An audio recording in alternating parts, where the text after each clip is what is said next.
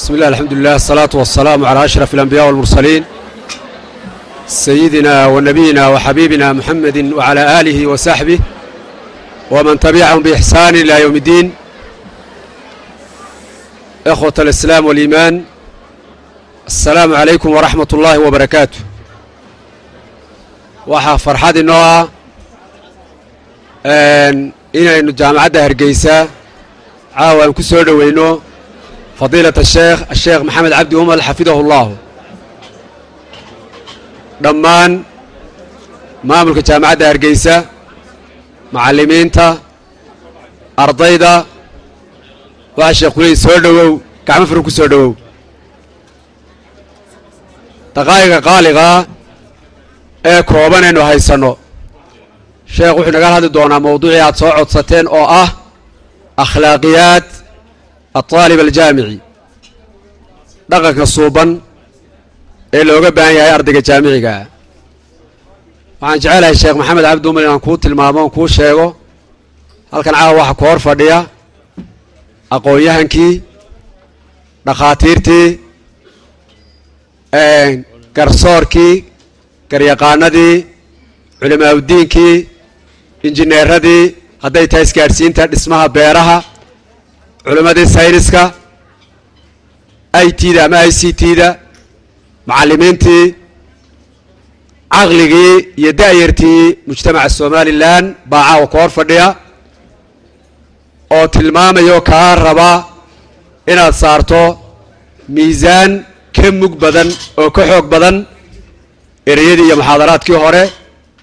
Waayo waa siyaasiyiintii waa dhaqaalayahankii waa aqoon-yahankii waa haddii adaa cilmi baadhistii mustaqbalka dalka ummadu waxay ka hagaagaan ummadu ay ka toosaan waa daa'irtoo dharyartoo hagaagta ragga halka fadhiyaa waa wasiiradii waa dubaaddii iyo saraakiishii waa bayloodadii waa wasiiradii waa hagayaashii culummadii hooyooyinka kala duwan oo hagaya markaa ummadda mujtamaca dadka ku hadla afka soomaaliga meel kastay joogaan. Waxaan jecelahay in kelmadda tarxiibka uu ku soo dhoweeyo maamulka jaamacadda addictor brofeser cabdisalaan yaasiin maxamed falyatafadal mashkuura.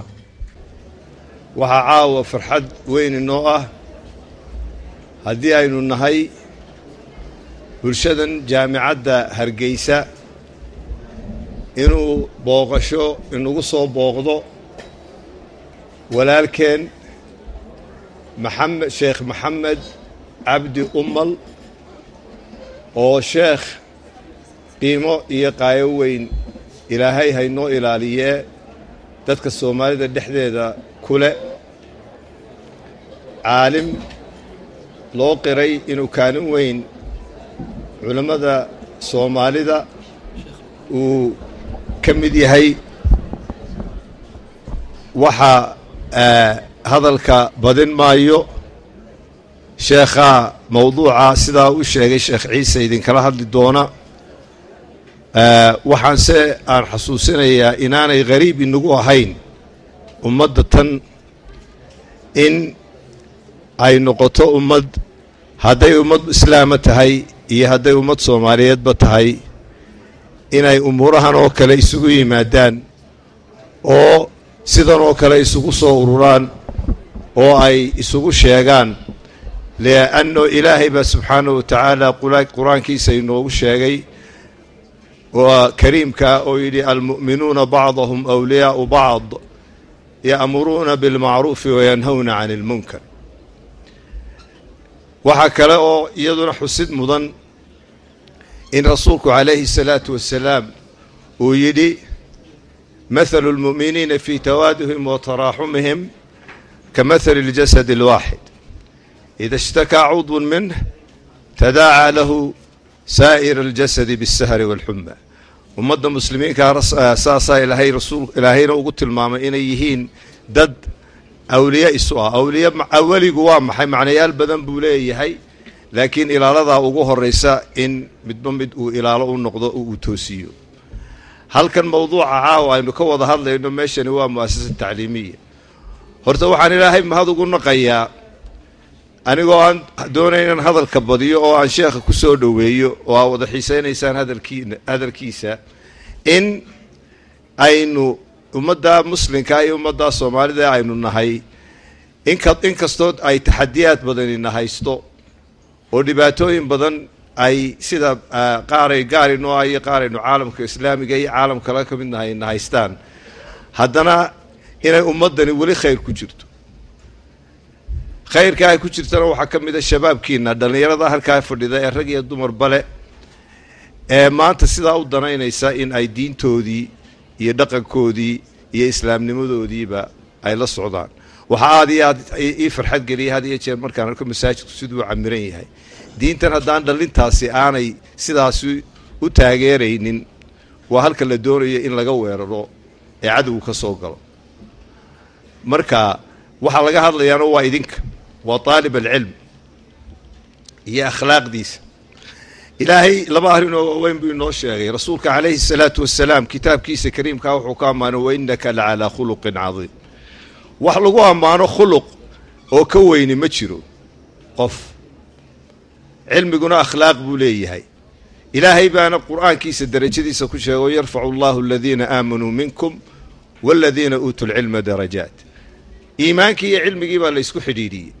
Halkaasuu qiimaha ka leeyahy akhlaaqiyaadka haddaba laynaga doonayo ee aynu tahay inaynaan cid kale kaga dayan ee aynu kitaabkeenna iyo sunnaheenna kaga dayanno ee culimmadanu kutub badan ka aliftay ee sheekhu inoogu warrami doono waxaa laynaga doonayaa in laynaga arko waxaad mooddaa maanta inaynu halqa taagayno nimankii reer galbeedka oo maadiyaddii aad mooddo inay nagaga hormareen laakiin akhlaaqiyaad oo dhan inagaga hooseeya halka intaasaan hadalkayga ku soo dhaweynaya ilaahay insha allahu tacaala haynagu anfaco sheekha iyo waxa uu inoo sheegayo.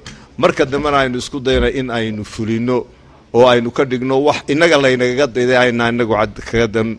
Wasalaamu calaykum waraxmat ullahi wabarakaatuh بسم الله الرحمن الرحيم الحمد لله رب العالمين وصلى اللهم وسلم وبارك على نبينا محمد وعلى آله وصحبه أجمعين أما بعد أيها الإخوة والأخوات السلام عليكم ورحمة الله وبركاته الله baa mahad iskale tabaaraka wa tacaala ina waafajiyey kulankan aadna waa ugu faraxsanahay inaan dadkii da-yartii rag iyo dumarba waxbaranayay. Marxalada jaamacadeed soo gaadhay. Inaan caawa la fadhiisto oo aan la wadaago barnaamijkooda aada baan ugu faraxsanahay.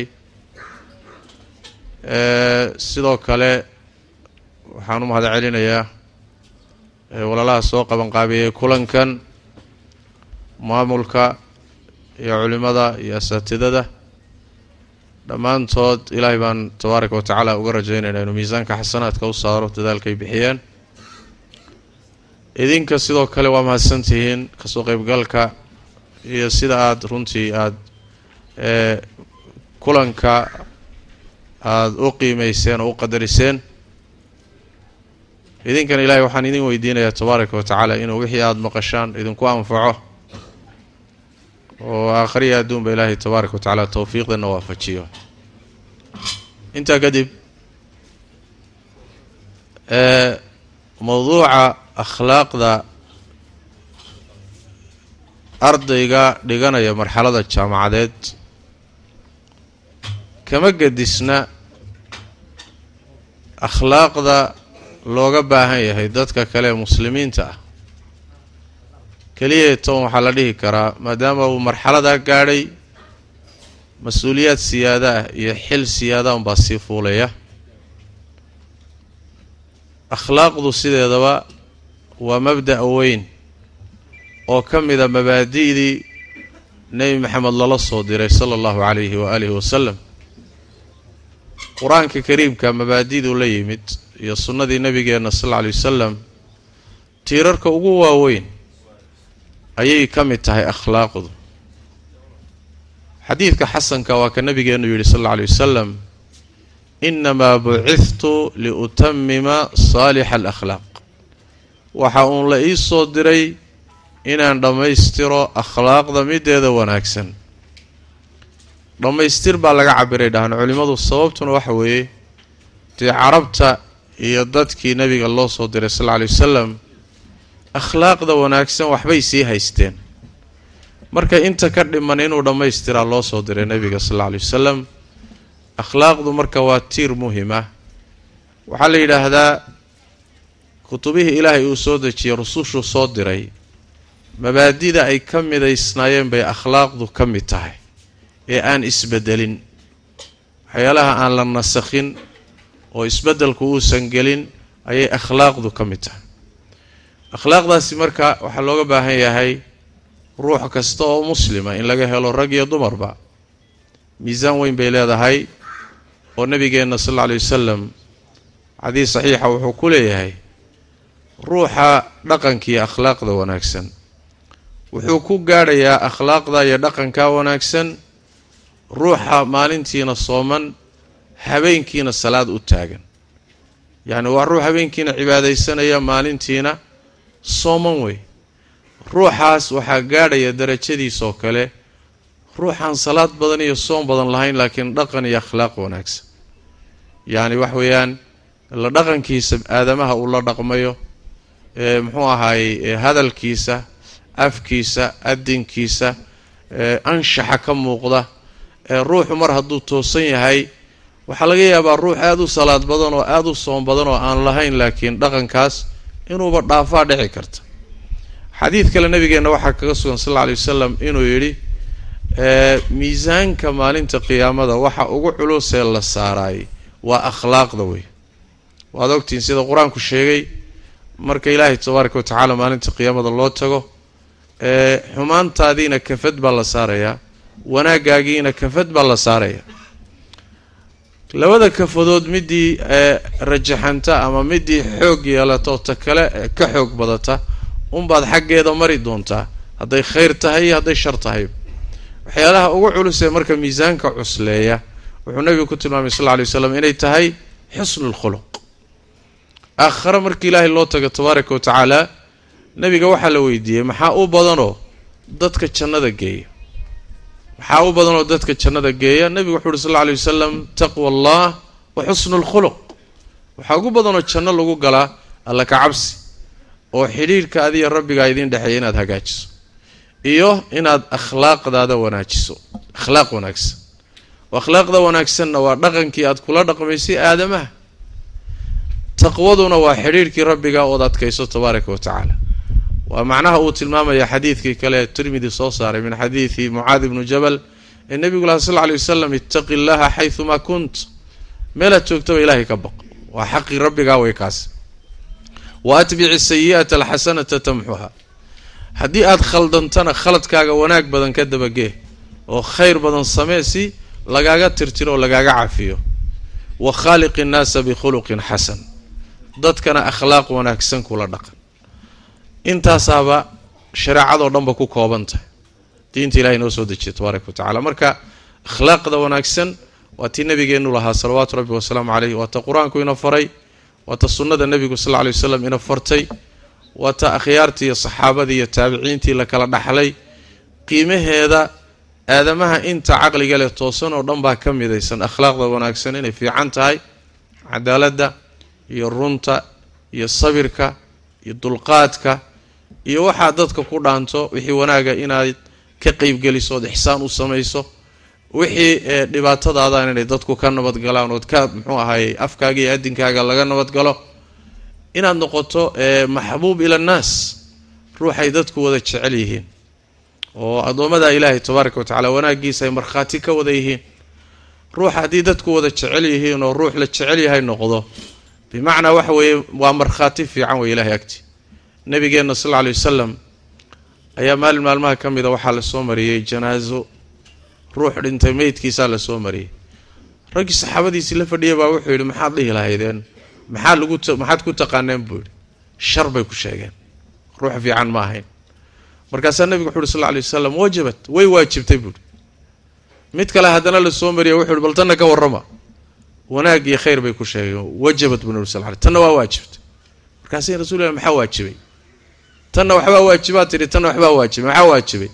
Nebigu wuxuu uhi sal lla lay slam tii aad xumaanta ku sheegteenna naar baa u waajibtay. Midda aad ammaanteen ood wanaagga ku sheegteenna jannaa u waajibtay. Antum shuhadaa ullahi fi l markhaatiyadii ilaahay ee dhulka joogay baa tii.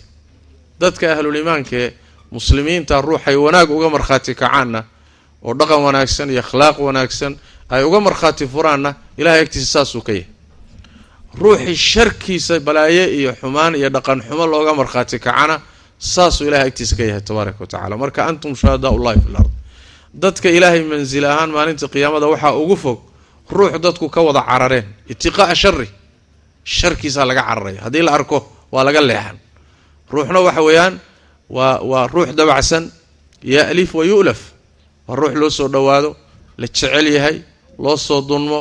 Ruuxna waa ruux laga cararo haddaad aragto ruux laga cararo laga cudubilaysto ilaahay agtiisa kaasi waa waa ruux khariban wey wanaag badan kuma laha. Marka diinteennu dhaqanka iyo akhlaaqda wanaagsan waa mabda asaasiya oo asaasiyaadkii mabaadida waaweyn ee diinteenna ka mid taa waa si guud oo ruux kastaa laga rabaa.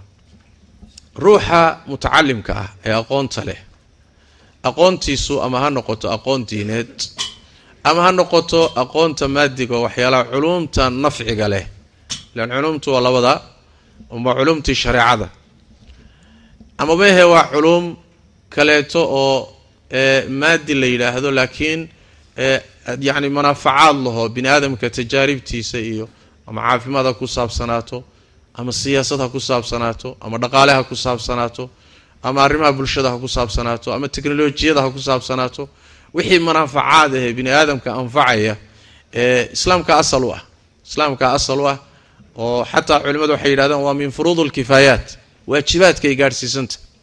Oo ummadda dad yaqaana in laga helo waa laga maarmaan. Ruuxu markuu marka mustawaha soo gaadho inuu heer jaamici soo gaadhaayay waa ruux mas'uul ah.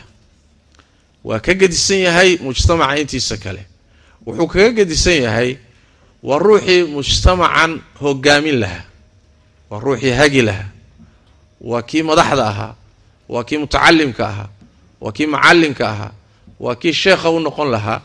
Waa kii danaha mujtamaca lagaga dayan lahaa wey. Marxalo wuxuu soo gaadhay uu noqday marxalatu lqudwa dayashuu noqday. Dadkii ka dambeeyey ama dugsiyada sare dhiganayay ama dugsiya hoose baa fiirsanaya mujtamacii baa fiirsanaya waa muraayadii ummadda waa. Mar hadduu muraayadii ummadda yahay waa inuu ku talagalo horta uu mas'uuliyaddaa dareemo waa qodobka ugu horreeya oo uu noqdo ruux qudwo noqon kara dhinac kasta marka la fiiriyo. Yacni waxa weye akhlaaqda iyo dhaqanka wanaagsan waa inuu mujtamaciisa u noqdo ruux mithaaliya oo tusaale u ah oo lagu dayanayo. Markaad heerkaa gaadho dayasho gaadhana ruux caadiya ma tid waxaa laga rabaa in aad yacni mowqica iyo booska aad joogto inaad talagelkiisa yeelato ood miisaankiisa yeelato ood maskaxdiisa iyo caqligeedisa yeelato oo aad yeelato wixii booskani uu dalbanayay. Waxaad iridda u saaran tahay inaad takharujto ood jaamacadda ka baxdo tacliin sare inaad sii raadsato ama khidmada mujtamaca inaad markaa qeyb ka gasho. Halkaa waxay u baahan tahay marka in aan marxalada iyada ah akhlaaq iyo dhaqan wanaagsan baa laynooga baahan yahay oo mujtamaca inteeda kale ka gadisan dadka culimada ah dadka mutacalimiinta dadka siyaasiyiinta waa dadka mujtamacu fiirsadaan waa dadka la yidhaahdo saddex hadday hagaagaan mujtamacu waa hagaagaa. Saddex hadday kharimaanna mujtamacu waa kharimay mujtamaca dadka mutacalimiintiisa aqoonta leh hadday kharimaan mujtamacaasi waa kharimay waxba hagaagi maayo. Mujtamaca madaxdiisa iyo hogaanku hadduu ka kharimana way kharimantah wuu kharimayaa mujtamacu qeybta saddexaad waa dadka dhaqaalaha haystee hantida. Waa saddexda awoodood ee ummaduhu ku taagan yihiin waa aqoonta iyo dhaqaalaha iyo mas'uuliyadda iyo xilka iyo dowladnimada. Saddexdaasi hadday hagaagaanna mujtamacu waa hagaagaa baa la yidhahdaa saddexdaasi hadday kharimaan ama mid ka mida kharimana waxay ka go-an tahay dalka iyo dadka iyo diintaba waa ka go-anta. Waxaa la rabaa marka marxalada aad joogtaan waa marxalo xasaas ah. Waxaa ugu muhiimsanee la doonayana waa inaad matashaan oo laydin fiirsado oo khayrka iyo wanaagga laydinkaga daydo insha allahu tacaala dhaqankii wanaagsanaa ee muslimiintu lahaayeen inaad marxaladan ku dadashaan waa laydinkaga daydo adkaysiga loo leeyahay tacliinta.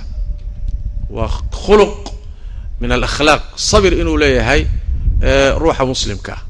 Khaasatan marxalada tacliinta uu ku jiro waa inuu tacliintiisa adkaysi u leeyahay. Waa inuu uusan muxuu ahaayey uusan noqonin ruux jilicsan uusan noqonin ruux takaaliifta tacliinta iyo culayskeeda ee ruux ka cabsada ama fool nugul ama markii la taabtaba aan waxba xaqiijin karin. Waxaa la doonayaa inuu ruuxu casiimo leeyahay oo derbi kastoo ka hor yimaado isku dayi karo inuu jebin karo. Bini aadamka casaa'imtiisu ilaahay tabaaraka wa tacaala waxa wuxuu siiyaan caadi ahayn. Waxa la raba marka tacliinta inaad sabir u yeelataan oo adkaysiba u baahantay tacliintu waxay yidhahdaan culimmadu markaad kulligaa isa siiso bay haaf ku siisaa nis bay ku siinaysaa. Cilmiga markaad wakhtigaaga kulligii siiso kulligii iskaa siin maayo. Ee wuxuu ku siinayaa nis buu ku siinayaa. Markaad wakhtigaaga nis ka siisana wuxuu ku siinayaa rubuc. Rubuc markaad wakhtigaaga ka siisana tumun buu ku siinayaa. Intaad kolba adigu ku bixiso in ka yar baad ka helaysaa aqoontu marka waxa la waa taraakumi. Sidaas daraaddeed baa inta badan marxalada jaamiciga iyo maraaxisha ka horeysaba ardaygu hadduusan juhdi iyo dadaal dheeraadoo isagu u bixinaya ayna jirin aqoontiisu aqoon xadidan bay noqotaa. Ee jaamacadda markaan ku jirnay raggii aan jaamacadda wada dhiganaynay labay ardadu ahaayeen. Ragna rag yacni galaaska iyo fasalka macallinku wuxuu soo diyaariyey markuu dhagaysto. Waxay ahaan jireen maktabadaha gala oo baadhi sameeya oo intaasoo kutub kutub ka akhriya maadadii sheekh uu ka dhagaystay macallinka kadibna isagu wax madax bannaan diyaarsada oo baxthi iyo research madax bannaan leh. Ninkii noocaasoo kale ahaa wuxuu noqday jaamacaddii markuu dhameeyey ruux mustaqbal leh buu noqday. Ruuxii hamigiisu uu ahaa seed ku baastaa iyo muqararaadkan intan macallinku akhriyay imtixaanka uu ku keeni doono uun akhri kii hamigiisu intaa ahaana dee waxa weeyaan shahaadaduu qaatay xataa macno ma yeelanin. Leanna macnuhu yacni waxa weeyaan waxa muhimka waa aqoonta ee waraaqda ma aha. Waxaad ku meel mari waa aqoonta ee waraaqdu maaha waraaqdu macno weyn ma leh. Sidaas daraaddeed in aad marxaladan aada cilmiga iyo aqoonta qaybaheeda kala gedisan sabir iyo adkaysi inaad u yeelataan waa arrinta qur'aanka kariimka. Meelo badan laynagu tilmaamay. Ilaahay tabaaraka wa tacaala uu leeyahay wastaciinuu bialsabri waasalaah inaad danihiinna gaadhaan. Waxaad u kaalmaysataan sabirkoo adkaysi ah iyo salaadoo cibaadadii ah. Maxaa yeele markaad rabbigaa ku xidhantood cibaadaysato maqaasidaad rabtay buu kuu furayaa. Waa kii nabigeenu sal lla lay wasalam xadiidkii yani waxa weyaan fi saxiixi muslim uu nabigu lah sal lla lay wasalam ixris calaa maa yanfacuk wastacin billaah wixii ku anfacaya ku dadaalo waqhtigaaga ku bixi. Ilaahayna kaalmayso haddaadan ilaahay kaalmaysanin dee wax walba ilahay gacanta ku haya tabaaraka wa tacala ilaahay baa fahmada kuu furi oo tawfiiqda ku waafajin. Waa goorma markaad ku xidhan tahay ood rabbi kaalmaysato tabaaraka wa tacaala. Walaa tacjaz buu nabigu sal lla lay slam si kasta hadday arrintu kuugu adkaato caajisa ha isdhiibin waxaa la rabaa inaad mar walba ku talagasho wixii kaa hor yimaada inaad jiidhi karto oo ay dabeecad ku noqoto inaadan noqonin ruux dabacsan. Saas daraaddeed khuluqa ah sabirka iyo adkaysi inaad tacliinta u yeelataan waa laga maarmaan. Akhlaaqda muhimka waxaa ka mid a marxaladan oo kale in muxuu ahaayey aqoontaada iyo waxaad baranayso ikhlaas ay noqoto daacadnimo. Waa inaad hadaf leedahay. Maxaad wax u baranaysaa? Hadafkaad wax u baranaysaa waa inuu kuu cadiy waa inaad wax u baranayso dal iyo dad iyo diin iyo aakhiradaada iyo mustaqbalkaaga. Waxbarashadaada waa inaad hadaf leedahay waa inuu kuu cadyahay dariiqaagu kuu cadiy waa inaad ilaahay dartii aad wax u baranayso. Xataa waxaa la yidhaahdaa aqoonta mida diinigaa keliya maaha xadiiska iyo tafsiirka iyo fiqiga iyo markaad baranayso taa iska dhaaf.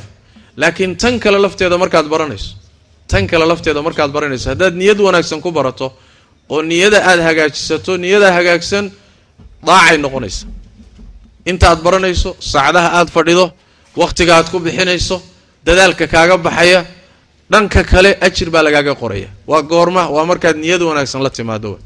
Leanna sida saxda ah niyada wanaagsan waxyaalaha caadaadka ah xataa cibaaday ka dhigtaa hurdadaada haddaad niyada wanaagsan ku saaxato oo ikhlaas iyo wanaag aad ula timaado cuntadaada cabitaankaaga caadaadka waxay noqdaan wax ajir laga helo. Culumtan ajir baa laga heli marka laga tago manaafacaadka kale ku jira. Marka ikhlaas waxaa xiga oo sidoo kaleeto akhlaaqda ka mid a ardayga muxuu ahaay jaamiciga. Waxaa la doonayaa jaamacadda waa waa waa muxuu ahaayey waa qalca cilmiya oo ummaddu leedahay. Lagaaga dambayn lagaaga horeeyey waa hanti ummadeed. Jaamacadda iyo muxuu ahaayey ilaalinteeda maamulka iyo ka dambayntiisa caadatan waxaa jira ardayga marba haddii la yidhahda arday baa tahay. Caruurnimuu u dhaqmaa. Caqli caruureed buu yeeshaa. Lixdan jir maanta haddii la soo fadhiisiyo o la yidhaahdo kursi baad ku fadhiya arday baa tahay. Wuxuu u dhaqmayaa sidii shan iyo toban jir buu u dhaqmaa. Oo carruur carruur buu noqonaya. Yacni wax weeyaan wax burburin iyo isagii oo laqa qabanaya arkaysaayo odaygii lixdan jirka ahaa oo laqa qabanayo oo la canaananahayo warsee wax kaayi ardaynimada marka sideeda waxay iska leedahay dabiicad noocaas. Marka waxaa la doonayaa yani waxa weye jaamacaddii ummad baa iska leh. Adigaa ka faa'iidaysan waa lagaaga dambayn waa lagaaga horreeyey. Muddadaad joogtana insha allahu tacaala inaad ku dadaasho yani waxa weeyaan ixtiraamka maamulka ee nabigeenna sal alla alay wasalam markii noo dardaaran la yidhi nabiga sal alla alay wasalam nebigu dardaarankiisi wuxuu ugu horraysiiyey uusiikum bitaqwa allah ilaahay cabsidiisaan idin dardaarmaya. Muxuu ku xijiyey? Waasamci waataaca asamcu wataaca waxa weeyaan dadka mas'uuliyaadka haya xilka haya in la maqlo lana yeelo la ateeco. Hadday dowladdii sare tahay iyo madaxdii sare hadday tahay cid maalan maamul jaamacada haya ama markas mucayana haya cidda mas'uuliyadda haysa in mas'uuliyadda loogu kaalmeeyo daacad loogu noqdo ee wixii mulaaxadaada yani lagu baraarujiyo waakii nabigeenu lahaa sal alla alay wasalam saddex arrimood ilahay baa idinla jecel saddex arrimoodna ilahay waa idinla nacbiya saddexduu ilahay idinla jeceliya waxaa ka mid ah inaad caabudaan keligii oo cibaadadiisa aydan cid kale la wadaajin waxaa ka mid a inaad ilaahay xadhiggiisa qabsataan ood ku midowdaan. Waxaa saddexeeya an tunaasixuu man wallahu llahu amrakum. Cidda talada idiin haysa ee xilka idiin haysa inaad u naseexaysaan oo daacad u noqotaan oo wixii khayra aad ku garab istaagtaan. Marka maamulka jaamacadda iyo jaamacadda horumarkeeda waa inaad qeyb ka noqotaan oo aynaan u dhaqmin sidii muxuu ahaaye dee marxaladihii horeen soo gudubnay.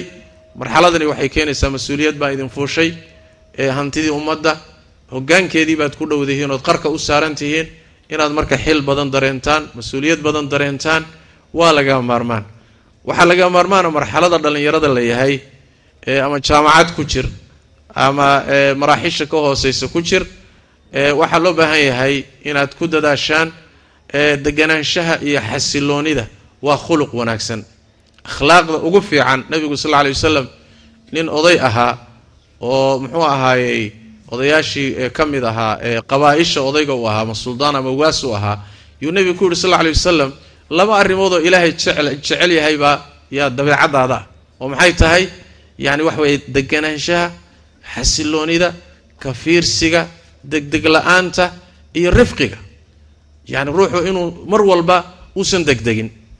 Waayahan dambe si gooniya waxaan doonayaa inaan idinku baraarujiyo ee da-yarta maraaxisha tacliinta ku jirtaay ee laga yaabo caqli ahaanna weli inaysan caqli ku filan helin laga yaabo waayo aragnimo ku filan inaysan lahayn laga yaabo aqoon weli ku filan inaysan gaadhin inta badan waxaa u soo dhuumata afkaar khariban afkaar khariban oo laga yaabo marar fara badan inay shaati diineed ay gashan tahay.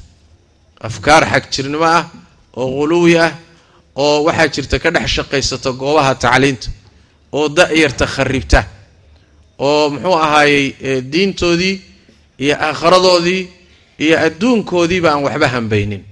Inay wax burburisa mooyaane aan waxba dhisin afkaar noocaasa iyaguna way jiraan oo dabayle iyo mawjado noocaasaa jira maraaxiishan oo kale marka la maraya iyo jawiga noocanayna aada uga faa'iidaystaan waa inaad noqoto dabeecadaada iyo akhlaaqdaadu in aad noqoto cunsur ee bannaa ah ee aadan noqonin cunsur wax dumiya cunsur wax dhisa wax hagaajiya wax islaaxiya ee aadan noqonin mustaqbalka iyo hadda toona cunsur wax dumiya oo ku noqda dadkiisa iyo dalkiisa iyo diintiisa cudur ku noqda oo rafaad ku noqda oo dhib ku noqda oo wax burburiya diinna ma aha taasi caqlina ma aha taa iyadan inaad ka taxadartaan baa loo baahan yahay oo miisaanaan iyo kafiirsi iyo wax walba ka baaraandegid iyo baadhis inaad iska hubisaan.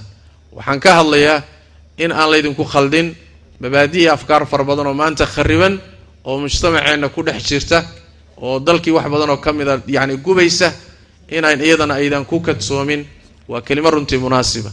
Waxaan u leeyahay ee runtii waxa weeyaan maraaxiishan oo kale aada iyo aada ugu daran tahay. Haddaad u fiirsataan maalan ee dadka waaweyn ee da-doodu gaadhay waayo aragnimo afartan iyo wixii ka badan ah way yar tahay inay afkaarta noocaasa ku khaldamaan. Saas daraaddeed ba hadda kahor waxaan idhi bal u fiirsada adduunka waxyaalaha ka dhacaya afkaartan aan hadda tilmaamayno ma arkaysid marnaba afartan jir isqarxinaya ma arkaysid ya war afartan jirkusoo janno ma rabo ya afartan jir janno miyuu nacay. Jannada shan iyo toban jirku raadinayo. Ee afartan jirku uusan raadinayn maxay tahay? Soodax isweydiin lama ah yacni waxa weeye afartan jirku waa xisaabtamaya. Afartan jirku waayo arag wey xataa hadduusan aqoon diineed lahayn waa waayo arag. Waayo aragnimaduna waa nooc ka mida cilmiga ka mida kuwa ugu muhiimsan bay ka mid tahay. Sidaas daraaddeed intaa da-daadu yar tahay yacni waxay mustaqbalkaaga yaan la kharibinoo ummad baa kugu tashanaysa waxbaa lagu baray waxbaad baratay ummad baad kugu talagashan ku talagashan insha allahu tacaala inaad muxuu ahaay u faa-iideyso sidii adigaba lagugu faa-iideeyey. Waxaan ku gabagabaynaya waqtigaa iska yar su'aalana waa jiraan baa la yidhi. Waxaa la doonayaa inaad ku tashataan walaalayaal. Ummadi maanta caalamku wuxuu ku kala horeeyo waa aqoonta awoodda military waxaa keena ee lagu kala sarreeyo aqoon baa keenta. Tiknolojiyada aqoon baa keenta. Muxuu ahaaye awoodaha waaweyn ee adduunka lagu haysto miidiyaha oo kale aqoon baa keenta ibtikaarkiisa iyo samayntiisa. Dhaqaalihii aqoon baa keenta. Maanta ummadda hadhay waa ummadda aan aqoon lahayn ummadda horumartayna waa ummadda aqoon leh. Mujtamaceenna iyo dalkeenna waxaa halkaa dhiga waa aqoon yari aqoon yaridaasi dadkii ka saari lahaana idinka wey waxaad wax u baranaysaan marka waa inuu noqdo hadaf cad oo dalkiina inaad wax ka badashaan dadkiinana wax u qabataan. Waxaa khalad weyn ah in intaad saluugtaan xaaladda dalka ka jirta in aad markaa kadib aad tahriibtaan oo muxuu ahaayey dalkii laga cararo. Waxa loo yaqaano hijrat lcuquul waxgaradka iyo caqligu hadduu wadanka ka cararo yaa wadanka ku hadhay. Wadanka waxaa u soo hadhaya waxmagaradkii baa soo hadhay. Dadkii baadiye ka yimid baa soo hadhay. Kadibna wadanku ma dhismayo shar unbuu weligii ku dambaynaya walciyaadu billah.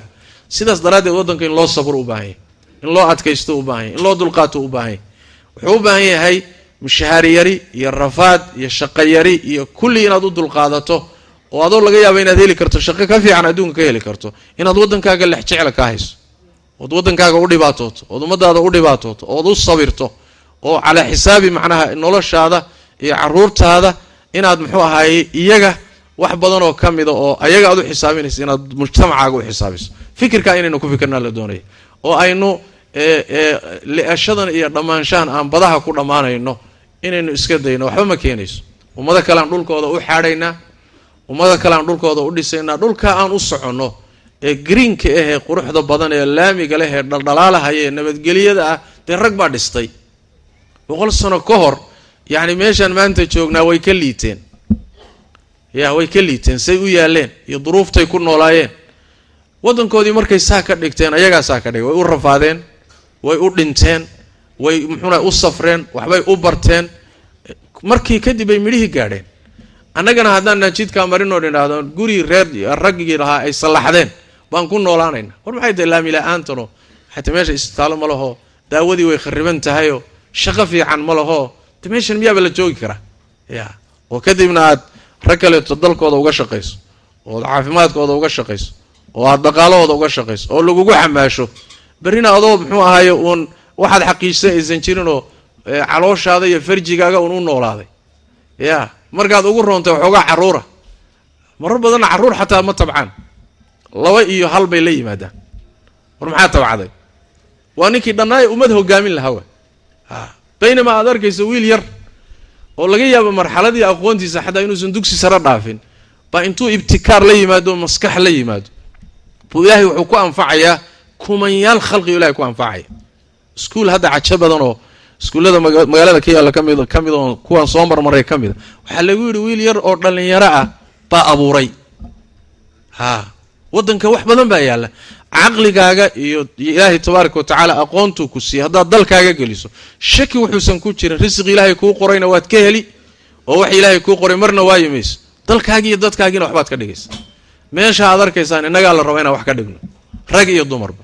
Marka waxaan rabaa inaan idhaahdo aynu mas'uuliyad dareenno oo xilka dalka iyo dadka iyo diinta innagay ina saaran yihiin aan u fikirno waxaan u baranno kadibna iyada aynu horumarin ku samayno insha allahu tacala inta tabarteenna ilaahayna aan la kaashanno. Waxaa ugu muhiimsan dad muslimiin aynu nahay diinteenna iyo adduunyadeennu isma diidana. Mushkilo waxaa jirta yacni waxa weeye duulaan ah oo aan saxsanayn oo fikrad kharibana oo tilmaamaysa diintiiyo adduunyadu waa isdiidan yihiin aqoonta maadiga iyo aqoonta diidada waa diintu waa isdiidan yihiin. Ma isdiidana ma isdiidana aqoontan casriga ee teknolojiyadii horumarka aadamuhu u baahan yahay iyo culumta naafica muslimiinta asal u ahaa reer galbeedku xilli ay ku jireen dulumaad iyo mugdiyo ku jireen bay muslimiintu caalamka hogaaminayeen. Bal yacni aqoonta reer galbeedka waxay uga gudubtay jaamacadihii ku yaalay bariga caalamulislaami iyo jaamacadihii ku yaalay dhulkan hadda loo yaqaano andalus loo yaqaano jaamacadihii halkaa ku yaallay bay aqoonta ka qaateen kadibna xilligaan inagu seexanay bay aqoontii iyagu ay ka shaqaysiiyeen oo markaasay heerkan gaadhsiiyeen. Aqoonta marka innagaa asal u ah. Ya dhibiga muslimiinta asal u ah. Handasada muslimiinta asal u ah. Yacni wax culumta naafica muslimiinta asal u ah. Sidaas daraaddeed isma diidayaan. Waxaa la rabaa inaad noqoto ruux diintiisana ku toosan rabbigiina yaqaana. Haddana maca daalika aqoontii adduunyadan aan looga horrayn soo laisma waafajin karo. Saaca wa saaca ya saacadna diintaada saacadna adduunyadaada siduu nabiga ku qaaxay sal lla alay waslam maxaa diidaya inay noo soo baxaan? Dhakhaatiir haddana culimaa. Ma wax diidayaa jira. Ya dhakhtar haddana caalima ma wax baa diidaya. Shareecadiina yaqaana haddana dhakhtar ah. Injineer haddana muxuu ahay caalim oo diintiisa yaqaana ma wax diidayaa jira.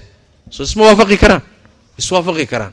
Waana dadka maanta ummaddan mustaqbalkeeda hogaamin kara runtii. Dad diinteedii iyo adduunyadeediiba isku wadi kara oo diintiisiina aan ka cararaynin. Adduunkiisiina sida loo maareeya garan karo oo qayrkii loola tartamo dadkaasaa maanta ummaddan wax ka dhigi kara. Laakiin fikirkii ahaa diinta iyo aqoonta iyo culumta ha la kala saaro. Kaasi waxa weeyaan waa fikir hadhay meelna aan gaadhaynin wey marka rabbigeenna waynu ku xidhmaynaa diinteennana waynu xoojisanaynaa aqoontana casriga iyo culumta naaficana laynagaga horayn maayo. Dalkeenna iyo dadkeennana waxbaan u baranaynaa dhaqanka iyo akhlaaqda wanaagsan iyo hamiga laynooga baahan yahay insha allahu tacala haddaan nahay da-yartii wax baranaysay taa iyadaa weeye insha allahu tacaala waqtiga kooban darteed kelimaadkaasaan insha allahu tacaala idinku soo ururinaya ilaahayna tabaaraka wa tacala waxaan weydiisanayaa inuu inaga dhigo kuwa waqtigoodana ka faa'iidaysta. Waxyaalaha waqtiga luminayan ilaahay tabaaraka wa tacaala inaga xifdiyo waqti qaali ah oo dahabi ah oo noloshiina ka mida baad haysataan waqtiga ka faa'iidaysta oo ha luminina marxaladan haddaad ka gudubtaan marxalo mashquul baad gelaysaan. Xilkaasaa idin fuuli carruur baa imaan ilmaa imaan biil baa lagaa rabaa hooyaa tahay culays badan baa imaanaya laba nicmaad haysataan xoog dhallinyaranimo waad haysataan caafimaadkeedii faraaqana waad haysataan. Waa labaduu nebigu yihi sal lla alay wasalam laba nicmo aadamuhu kama faa'iidaystee waa ku kadsoon yahay. Labada nicmo maxay yihiin alsixatu waalfaraaq yacni firaaqada. Oo wax ku cuslaynaya ma jiro iyo caafimaadka. Sidaas daraaddeed waqtigana ka faa'iidaysta ilaahayna tabaaraka wa tacaala waxaan weydiisanayaa inuu ilaahay tabaaraka wa tacala khayrka ina waafajiyo qalbigeenna ilaahay khayrka jeclaysiiyo mujtamaceenna iyo dalkeenna iyo dadkeenna iyo diinteennana kuwa u adeega allah inaga dhigo. Ilaahayna tabaaraka wa tacaala aqoonta iyo cilmiga barashadiisa allah idiin fududeeyo ilaahayna tabaaraka wa tacaala khaatimo wanaagsan iyo khayr allah inugu dilo. Nabadgelyada iyo wanaagga iyo midnimadana ilaahay tabaaraka wa tacaala haynugu irsaaqo. Horumarka ilaahay tabaaraka wa tacala hayna siiyo. Waxaan jecelnahay ba allah hayna siiyo. Waxaan necebnahayna ilaahay tabaaraka wa tacala haynaga xifdiyo. Waa mahadsantihiin asalaamu calaykum waraxmat ullahi wabarakatu